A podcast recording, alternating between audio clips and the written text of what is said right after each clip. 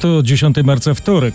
Zaczynamy podcast Podsumowanie dnia w RMFFM. Bogdan Zalewski, witam i zapraszam. Wyrażenia klucze w wydarzeniach to Dziennik Roku Zarazy, kolejny kalejdoskop z kraju i z zagranicy na koronny temat koronawirusa. W Polsce potwierdzono już 21 przypadków zakażenia koronawirusem. Pacjenci przebywają na oddziałach zakaźnych we Wrocławiu, w Warszawie, Raciborzu, Ostrudzie, Krakowie, Poznaniu, Zielonej Górze i Cieszynie. 220 osób w całym kraju jest diagnozowanych w kierunku koronawirusa. Ponad 1000 objęto kwarantanną domową, a ponad 9300 pacjentów objęto nadzorem sanepidu. To są najnowsze wtorkowe dane Ministerstwa Zdrowia. Jednym z zarażonych jest dowódca generalny rodzajów sił zbrojnych. Generał Jarosław Mika po oficjalnej delegacji w niemieckim Wiesbaden trafił do wojskowego szpitala w Warszawie. W jakich okolicznościach zachorował, ustalił nasz dziennikarz Krzysztof Zasada. W weekend generał Mika brał udział w konferencji dotyczącej przygotowań do największych od 25 lat manewrów wojskowych Defender 20, które odbywać się będą głównie w naszym kraju. Okazało się, że jeden z uczestników niemieckiego spotkania był chory, mówił mi rzecznik dowódcy Marek Pawlak. Wrócił do Polski, otrzymał informację z NATO, że, że jeden z uczestników miał potwierdzonego wirusa. Sam e, zlecając również pozostałej części delegacji, udał się na kwarantannę do, do domu, wykonał badania w poniedziałek. Badania potwierdziły koronawirus. Dowódca jest w szpitalu, natomiast kwarantanną objęto dodatkowo kilkanaście osób, z którymi się kontaktował. To członkowie delegacji oraz załoga samolotu, którym polecieli do Niemiec. 50 dzieci i ich opiekunowie zostali poddani kwarantannie w ośrodku w nadmorskim Dźwiżynie. Opiekunem grupy dziesięciolatków okazał się syn zarażonego koronawirusem pacjenta z Raciborza.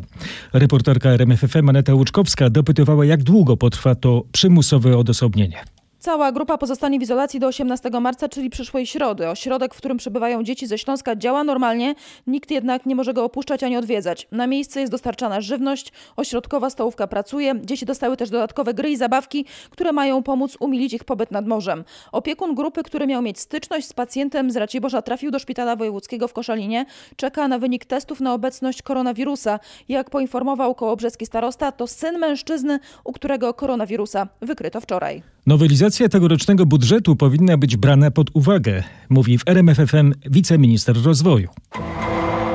Andrzej Gudmostowy przekonuje, że w związku z koronawirusem sytuacja jest absolutnie nadzwyczajna. Rozmawiał z nim nasz dziennikarz Marcin Zaborski. O jakich scenariuszach mówił Gud Mostowy? Mało optymistycznych. Czarne scenariusze albo zbliżone e, do czarnych e, są możliwe. Wiceminister rozwoju przyznał, że nieaktualne już są te prognozy, które mówiły o tym, że koronawirus zabierze nam w tym roku dwie albo trzy dziesiąte punktu procentowego ze wzrostu gospodarczego. Teraz ekonomiści mówią, że to może być więcej niż cały punkt procentowy, a to odbije się na budżecie. Jeżeli będzie ta sytuacja trwała dłużej, to musimy to jakoś wesprzeć. Natomiast I to może oznaczać, że pożegnamy się e, z budżetem bez deficytu, no bo te pieniądze skąd trzeba będzie wziąć. chyba, że będą inne e, wydatki też pomniejszone, bo jest taka możliwość. Choć wiceminister rozwoju sięga też po ważny wytrych. Sytuacja jest dynamiczna. Rząd zaproponował pakiet osłonowy dla przedsiębiorstw. To specustawa, której celem ma być wsparcie firm tracących na epidemii koronawirusa. Szczegółowe rozwiązania zostaną przedstawione na początku przyszłego tygodnia. Nasz dziennikarz Krzysztof Zasada zapoznał się z założeniami tego pakietu. Co przewiduje specustawa? Po pierwsze chodzi o rozwiązania mające wspomóc płynność finansową firm, które przez koronawirus znalazły się w kłopotach. To jak mówiła minister rozwoju Jadwiga Emilewicz, możliwość odroczeń spłat składek ZUS oraz podatków. Nowością legislacyjną będzie także zniesienie opłaty prolongacyjnej. Te rozłożenia w czasie nie będą przedsiębiorców więcej kosztować. Kolejna część pakietu kryzysowego dla firm przewiduje tanie pożyczki i gwarancje kredytowe. Ostatnia rozwiązania chroniące pracowników zatrudnionych w firmach, które mają problemy. Koronawirus bezpośrednio uderzył przede wszystkim w branżę turystyczną. Są biura podróży, w których odwołano ponad 80% wyjazdów. Zamiera też transport międzynarodowy. Ministerstwo Infrastruktury podaje na przykład, że normalnie z Polski wyjeżdża kilkaset autobusów dziennie. Dziś to maksymalnie kilkanaście. Rząd odwołuje imprezy masowe w Polsce. Ma to zapobiec kolejnym zakażeniom koronawirusem. Chcemy być odpowiedzialni, chcemy być mądrzy nie po szkodzie, tylko przed szkodą. Uzasadnia tę decyzję premier Mateusz Morawiecki. Zakaz dotyczy wszystkich imprez sportowych i artystycznych, na które przychodzi ponad tysiąc osób, a w hali ponad 500. Są pewne wyjątki od tej reguły, ustalił nasz reporter Grzegorz Kwolek. Ostateczna decyzja będzie należeć do wojewody, ale jak tłumaczy szef MSWiA Mariusz Kamiński, furtka pozostaje otwarta tylko dla części imprez, które mogą odbyć się bez publiczności. Jeśli organizatorzy uznają, że impreza dalej będzie miała sens bez udziału publiczności, wojewodowie oczywiście w tym zakresie będą elastyczni. Minister nauki zaleca uczelniom zawieszenie współpracy międzynarodowej, konferencji, wyjazdów i wymian studentów. Dyrektorzy szkół mają obserwować sytuację i zawieszać zajęcia, gdyby było zagrożenie dla zdrowia uczniów, zapowiada szef MEN. Rozważamy kolejne kroki w walce z wirusem, będziemy o nich informowali w kolejnych dniach, podsumował działania rządu premier. Prezydent Andrzej Duda wygłosił wieczorem orędzie w sprawie epidemii. Koronawirus to nie tylko sprawa rządu, to sprawa nas wszystkich. To dziś sprawa każdego Polaka. Oczywiście, to na nas, rządzących, spoczywa największa odpowiedzialność. Mam tego pełną świadomość i nie uchylam się od niej. Na moją prośbę odbyło się specjalne posiedzenie Sejmu, na którym przyjęto ustawę mającą ułatwić walkę z zagrożeniem. Niezwłocznie ją podpisałem i już obowiązuje. Dzisiaj zwołałem posiedzenie Rady Bezpieczeństwa Narodowego, by rząd i przedstawiciele opozycji mogli ze mną wspólnie rozmawiać o sposobach zapewnienia Polakom bezpieczeństwa. Dziękuję wszystkim uczestnikom za udział, za konstruktywny dialog. Dziękuję opozycji za odpowiedzialną postawę. Walka z koronawirusem nie ma barw politycznych. Jego zwalczanie jest naszym wspólnym zadaniem i obowiązkiem. Prezydent podziękował opozycji, a opozycja skrytykowała głowę państwa i rządzący PiS po posiedzeniu Rady Bezpieczeństwa Narodowego. Nasz dziennikarz Patryk Michalski streści, co opozycyjni liderzy zarzucali obozowi Andrzeja Dudy. Co to były za pretensje? Przede wszystkim dotyczyły tego, że posiedzenie zostało zwołane dopiero teraz. Szef PO Borys Budka twierdzi, że nie usłyszał kompleksowego planu na walkę z koronawirusem. Mówiłem o konieczności zwiększenia testów do wykrywania koronawirusa. Drugi istotny element to zapewnienie bezpieczeństwa wszystkim tym, którzy pomagają polskim pacjentom. To są pielęgniarki, to są lekarze, to jest personel pomocniczy. Nie czuje się spokojniejszy, komentował Robert Biedroń. Na pewno mam dzisiaj więcej informacji, na pewno deklaruję chęć wsparcia. Szef PSL Władysław Kośniak-Kamysz podkreślał konieczność wsparcia przedsiębiorców. Turystyka, branża transportowa to są dwie, dwa dzisiaj sektory gospodarki, które są najbardziej dotknięte. One odpowiadają za około 12-13% wspólnie e, polskiego PKB. Wyzwanie jest ogromne. Szef klubu PiS Ryszard Terlecki nie chciał komentować posiedzenia Rady. Odwołane zostały wszystkie wykłady i zajęcia, zamknięte muzea, wprowadzono też zakaz odwiedzin w akademikach. Tak jest w Krakowie.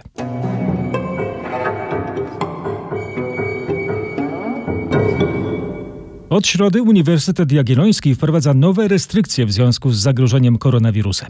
Odwołujemy wykłady dla studentów i doktorantów i, za, i, zalecamy, aby zostały one udostępnione w formie elektronicznej. Odwołujemy zajęcia wychowania fizycznego, y, wstrzymujemy przyjazdy do Uniwersytetu gości zagranicznych. Co ważne, zamykamy od dzisiaj y, nasze trzy muzea, Muzeum Kolegium Majus, Muzeum Farmacji i Ogród Botaniczny. Wstrzymujemy zakwaterowanie nowych osób w akademii a także wprowadzamy zakaz odwiedzin przez gości zewnętrznych. Zakomunikował Adrian Ochalik, rzecznik Uniwersytetu Jagiellońskiego.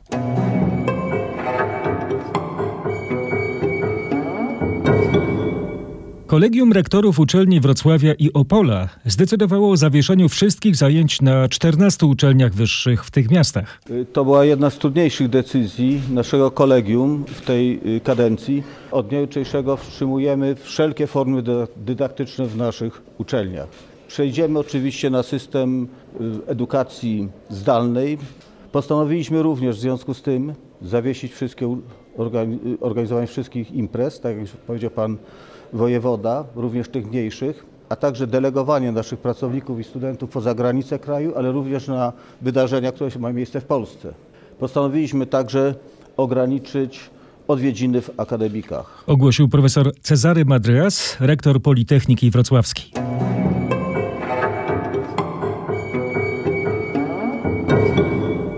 Szkoły w Poznaniu zostały zamknięte na dwa tygodnie. Władze miasta ogłosiły tę decyzję podczas sesji Rady Miasta. To nie sianie paniki, a profilaktyka, przekonuje wiceprezydent Jędrzej Solarski. Dyrektorzy szkół otrzymali we wtorek pismo w tej sprawie.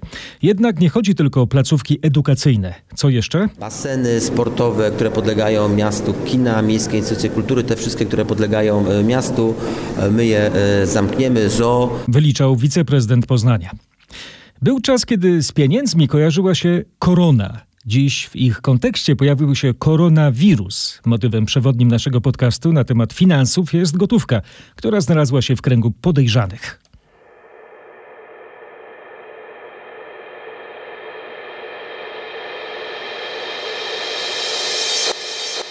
Do tematu wraca Krzysztof Brenda z redakcji ekonomicznej RMFFE. Uważajmy na higienę, jeżeli chodzi o pieniądze. Wiemy już, że banknoty, wiemy już, że monety też mogą przenosić koronawirusa. No i co w takiej sytuacji robić? No w takiej sytuacji najlepiej przesiąść się na płatności bezgotówkowe. Pamiętajmy, że jak gdzieś zapłacimy kartą i będziemy chcieli wstukać PIN, to tam też ten wirus może być, no ale nie dajmy się zwariować oczywiście.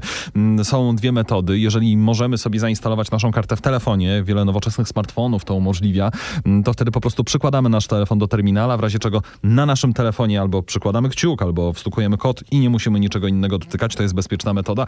Inna metoda to zakładanie rękawiczek, jeżeli korzystamy w bankomacie. Nawet takich jednorazowych e, rękawiczek dostaniemy w aptekach, jeszcze w miarę bez problemu, dostaniemy w niektórych supermarketach. Takie używanie rękawiczek radzi na przykład prezes Związku Banków Polskich Krzysztof Pietraszkiewicz. Posłuchajmy. Te urządzenia, e, które e, są e, dostępne, na przykład takie jak bankomaty, e, one wymagają pewnej dodatkowej konserwacji i e, instytucje, gospodarze tych e, urządzeń e, na pewno takie działania podejm- będą podejmować. Natomiast moja rada jest także dla klientów, aby e, korzystając z takich e, urządzeń, gdzie wiadomo wielokrotnie e, korzystają z tego różne osoby, używać do tego po prostu rękawiczki czy pewnych osłon, bo wiem akurat tak jak pokazują wyniki badań, te właśnie z Chin, ale także z Włoch i z innych krajów, te mm, miejsca zdeponowania wirusów na kilka czy nawet kilkadziesiąt godzin, one są ulokowane w szczególnych punktach i między nimi właśnie takie jak e, klamki, czy w przypadku e, urządzeń, e, z których korzysta wiele osób, rzeczywiście mogą być miejscem przenoszenia koronawirusa, więc na pewno nikt nie będzie stał i nie będzie przecierał, i to jest niemożliwe, klawiatury bankomatu co chwilę, ale każdy z nas może mieć w kieszeni jakąś tam parę specjalnych rękawiczek czy pewnych osłon. I możemy z nich korzystać, tak mówi prezes Związku Banków Polskich Krzysztof Pietraszkiewicz. No mówi, no może nie dajmy się zwariować, ale jeżeli sytuacja się pogorszy, to rzeczywiście, zwłaszcza jeżeli to dotyczy seniorów, lepiej nie ryzykować. Rękawiczka jednorazowa, jeżeli musimy korzystać na przykład z bankomatu, jeżeli na przykład idziemy na bazar, gdzie będziemy, albo na targ, gdzie będziemy płacić gotówką, o tym warto pamiętać, no bo nie ma co ryzykować, oczywiście wszystko na spokojnie. Ogromne straty finansowe grożą polskim klubom piłkarskim w związku z epidemią koronawirusa. up. Mecze ekstraklasy do odwołania będą rozgrywane bez udziału publiczności. Paweł Pawłowski z redakcji sportowej uświadomi nam, ile pieniędzy mogą stracić kluby. To nawet 50 milionów złotych. Jak powiedział mi dyrektor operacyjny Ekstraklasy Marcin Stefański, są to pieniądze z dnia meczowego. Wyliczono to na podstawie frekwencji z ubiegłych lat. Na dzień meczowy składają się m.in. przychody z biletów, z zakupów w stadionowych barach i sklepach klubowych oraz z wynajmu lóż i wykupionego w nich cateringu. Mecze bez publiczności będą rozgrywane do odwołania. Epidemia COVID-19 skutecznie pokrzyżowała plany wielu sportowcom. Przykład dwoje polskich lekkoatletów zrezygnowało z wyjazdu z kraju na Puchar Europy w rzutach. To młociarze Joanna Fiodorow i Wojciech Nowicki. Tylko sportowcy, którzy są już na miejscu, wezmą udział w zawodach, podał do wiadomości kibiców prezes Polskiego Związ- Związku Lekkiej Atletyki Henryk Olszewski. Nasi zawodnicy są e, na zgrupowaniu w Portugalii, nie wycofujemy i tam wystartują w Pucharze Europy w rzutach. Tu i pozostałe z lotniska zostali dzisiaj zdjęty medalista olimpijski Nowicki z trenerką i nie, nie wyjeżdżają i Fiodorow. Nie wyjeżdżają, zostali cofnięci, zostają w kraju. Puchar Europy w rzucie oszczepem, młotem, dyskiem i pchnięciu kulą ma się odbyć za niecałe dwa tygodnie. Komisja Europejska ogłosiła powołanie funduszu inwestycyjnego w związku z koronawirusem. Ma on wynieść 25 miliardów euro. Zakomunikowała szefowa komisji Ursula von der Leyen na konferencji prasowej po zakończeniu telekonferencji unijnych szefów państw i rządów.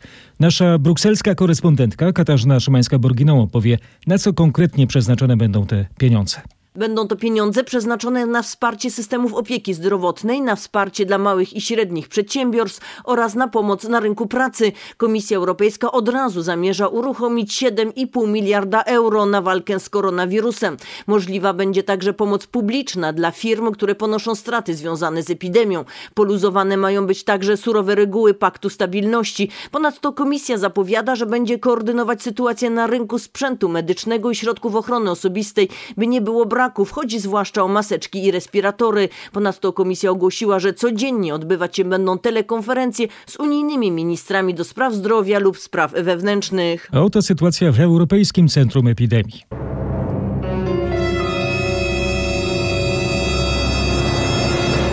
Do 631 wzrosła liczba osób, które zmarły we Włoszech z powodu koronawirusa.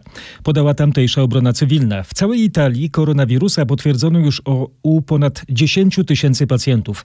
Dopóki nas wszystkich nie pozamykają w domach w całych Włoszech, to się to nie skończy. Tak w rozmowie z reporterem RMFFM Krzysztofem Kotem sytuację na Półwyspie Apenińskim ocenia Patrycja Wojtysiak, Polka mieszkająca niedaleko Neapolu. Uważa, że to bardzo dobrze, że władze w Rzymie wprowadziły nowe ograniczenia.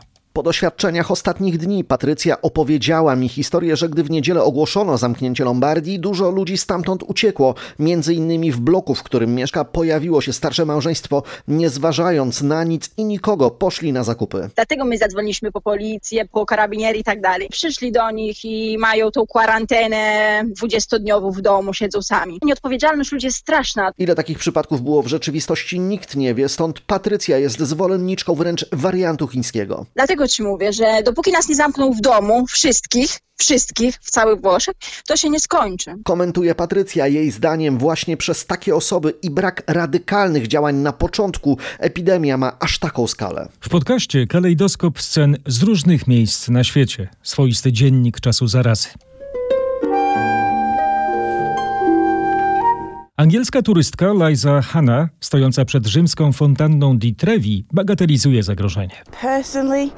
Osobiście uważam, że wiele osób umiera z powodu zwykłego przeziębienia, tak samo jak koronawirusa, więc myślę, że spore grono ludzi panikuje bardziej niż to jest konieczne. Jednak w przeciwieństwie do takich głosów, austriacki kanclerz Sebastian Kurz nie lekceważy zagrożenia płynącego z południa Europy.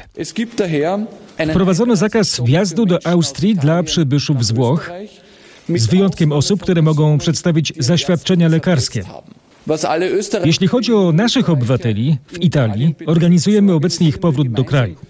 Jednak natychmiast po przyjeździe będą musieli przejść dwutygodniową domową kwarantannę. sofort mit der Ankunft in Österreich für zwei Wochen in häusliche Isolation begeben müssen. Prezydent Francji Emmanuel Macron, przybywszy do call center, nie mógł się nachwalić jego pracowników. Jesteśmy dopiero na początku epidemii. Spodziewaliśmy się tego, przygotowaliśmy się na to. Widziałem tu kilku świetnych ludzi, kilka świetnych zespołów, profesjonalnych pracowników służby zdrowia, którzy są innowacyjni i odważni. Będziemy ich wspierać przez cały czas i za każdym razem w czasie eskalacji epidemii dostosujemy naszą reakcję, aby służyć naszym współobywatelom i spełniać ich oczekiwania. Za chwilę usłyszycie, jak chroniony jest Emmanuel Macron. Warto nadal słuchać naszego podcastu.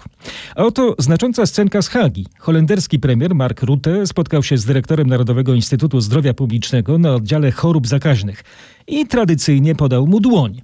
Jednak po tym shake handzie od razu zapowiedział y, ku rozbawieniu towarzyszących mu osób. Oh, sorry. Sorry, sorry. Nee. Oh, oh, over, over. O, przepraszam, przepraszam, nie możemy tego więcej robić. Już nie. Koniec. Dat mag dus niet meer. Oto dla kontrastu scenka z Teheranu. Irańczyk opisuje dramatyczny brak ochronnego sprzętu. Dostępne są rękawiczki jednorazowe, ale bardzo trudno jest znaleźć maski ochronne i środki dezynfekujące do rąk. Czasami słyszę od kolegów, gdzie można je kupić. Jednak nadal bardzo trudno jest je zdobyć i nie wystarczają po aż tak potężnym wybuchu epidemii. Cały świat krąży wokół jednej sprawy, oto sceny z Adelaidy w Australii. Pielęgniarka nosząca ochronny strój i trzymająca tabliczkę z napisem proszę pozostać w swoim samochodzie.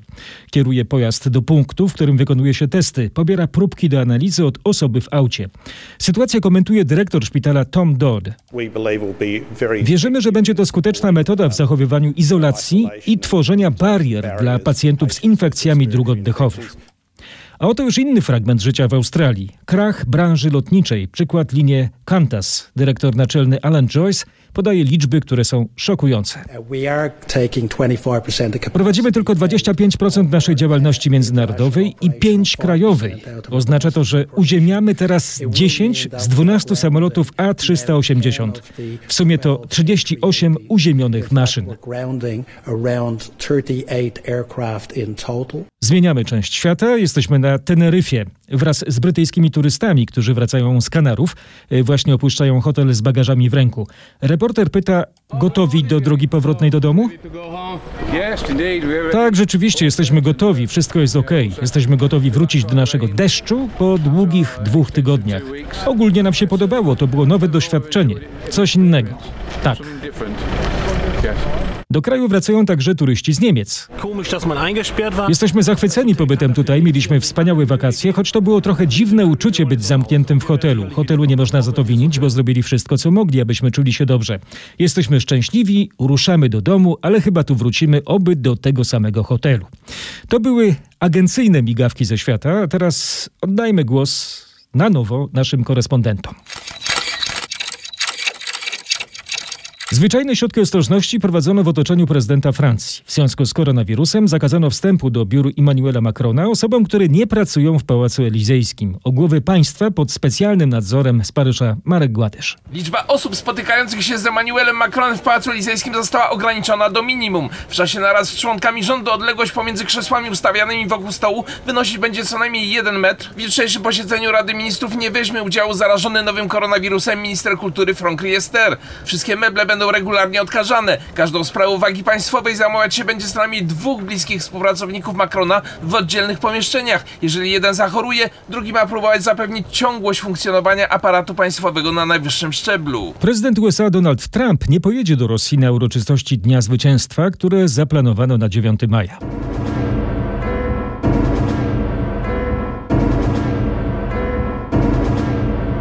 Amerykański korespondent RMFFM Paweł Żuchowski dowiedział się o kulisach tej decyzji Trumpa, choć oficjalnie podano, że powodem rezygnacji z podróży do państwa Władimira Putina jest koronawirus.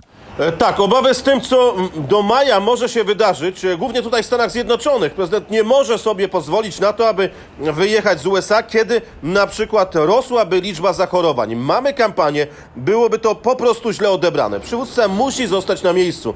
Jednak to oficjalny powód. Nieoficjalnie mówi się, że odradzano Trumpowi wyjazd do Rosji w czasie kampanii, mm, także dlatego, że Rosja przecież e, próbuje mieszać się e, w wybory prezydenckie. A Trump e, wielokrotnie był oskarżany o to, że zbyt łagodnie traktuje Putina i to też byłoby po prostu tutaj w Stanach Zjednoczonych bardzo źle odebrane. Z Waszyngtonu Paweł Żuchowski. A u nas kierunek wschód.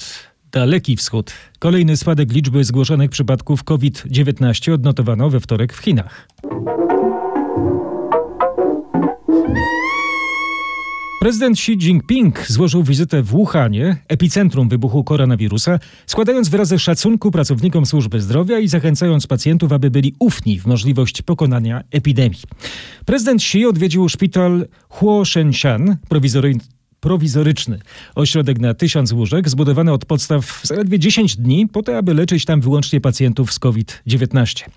Przeprowadził inspekcję miejskich działań prewencyjnych i kontrolnych. Xi wyraził serdeczne pozdrowienia i wyraził wdzięczność pracownikom pierwszej linii walki z koronawirusem i mieszkańcom, którzy zmierzyli się z COVID-19. Xi dowiedział się o działalności szpitala, o leczeniu pacjentów, ochronie pracowników medycznych i prowadzonych tam badaniach naukowych. Ponieważ wszyscy nosicie kombinezony ochronne i maski, nie widzę waszych twarzy, ale jesteście dla mnie najbardziej godnymi podziwu ludźmi. Dlatego w imieniu Komitetu Centralnego Partii chciałbym was szczerze pozdrowić i okazać wam najwyższy szacunek. Powiedział Xi pracownikom medycznym z pierwszej linii. Najnowsze dane wskazują, że ze szpitala wypisano 1297 pacjentów. Liczba ciężkich przypadków spadła o 317.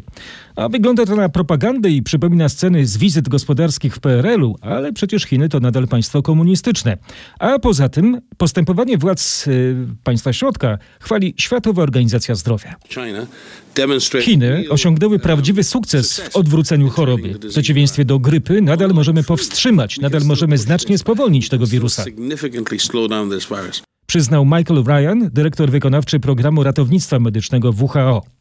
Podobne komentarze wygłaszali ambasadorowie wielu krajów, którzy chwalą skuteczne wysiłki Chin i wzywają do większej współpracy międzynarodowej po wstrzymywaniu epidemii. Dzięki wysiłkom rządu centralnego Chin i rządu Hubei oraz koordynacji WHO, społeczeństwo chińskie podjęło skuteczne środki w celu leczenia COVID-19. Obserwujemy kurczenie się obszarów dotkniętych koronawirusem i gwałtowny spadek liczby zarażonych osób. Jestem pewien, że Chiny wkrótce pokonają koronawirusa. Jestem przekonany, że życie moich chińskich przyjaciół wróci na właściwe tory i że chińskie społeczeństwo odzyska swoją żywotność. Tak e, przyklasnął działaniom komunistycznych władz Dia Khaled, ambasador Tunezji w Chinach.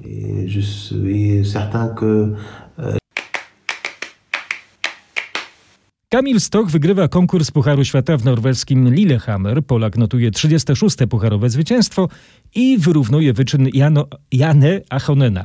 Oprócz tego Stoch został no, dzisiaj y, liderem. Objął prowadzenie w cyklu Row Air. Szczerze powiem, że tak się trochę rozkręcałem, bo te skoki zacząłem od e, takiego średniego, mocno spóźnionego kwalifikacyjnego, a później było coraz lepiej, coraz lepiej i ten ostatni to już była taka odpalona rakieta. Mówił Stoch, który zaczął od 130 metrów w kwalifikacjach. Pierwszej serii skoczył 1,5 metra dalej, a tę finałową serię zakończył skokiem na 139,5 metra. A jak zaprezentowali się pozostali Polacy? Dawid Kubacki był 8, 26 Piotr Żyła, 28 Maciej Kot. To była dyscyplina zimowa, y, choć jak to się mówi w Lillehammer atmosfera była gorąca. Y, Ciepłe powietrze robi się u nas. Czwartek termometry w południowo-zachodniej części naszego kraju pokażą nawet 17 stopni, a tu do kalendarzowej wiosny przecież zostało jeszcze 7, nie, 11 dni. Nasz reporter Michał Dobrowicz ciepło rozmawiał z warszawiankami. Pogoda już czuć, że wiosenna? No jasne, że czuć już słoneczko było. Zjadłyśmy pierwsze lody na świeżym powietrzu. Jak słoneczko świeciło, to bardzo fajnie było tutaj. Właśnie się przejść tutaj po uliczkach, od razu humor się poprawia. Ta kurtka już wiosenna? A ta kurtka jest wiosenna. Jest mi, aż można powiedzieć, ciepło, za ciepło. W cieniu zakwitających dziewcząt, że zacytuję Marcela Prusta.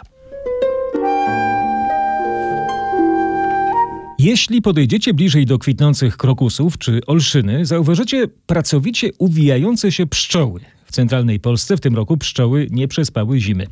W poprzednich latach na najchłodniejsze miesiące układały się w kłąb, żeby się wzajemnie ogrzewać, a w tym roku oddajmy głos pszczelarzowi. No właśnie ten kłąb się zawiązywał tylko, moje, przynajmniej to w moim, no, w moim rejonie, na kilka dni. A tak non-stop były pszczoły aktywne, chodziły po ulu, przez co traciły pokarm, tak, zużywały pokarm i własne siły. Po co ten odpoczynek zimowy jest z pszczołom potrzebny? One zapadają tak jakby w letarg po to, żeby wychować pierwsze wiosenne pokolenie pszczół, wykarmić je i po prostu one do połowy kwietnia, do końca kwietnia giną. Natomiast no, zastępuje nowe pokolenie już letniej pszczoły, które będzie się rozwijało bardzo intensywnie, nosiło miód i dbało o następne larwy.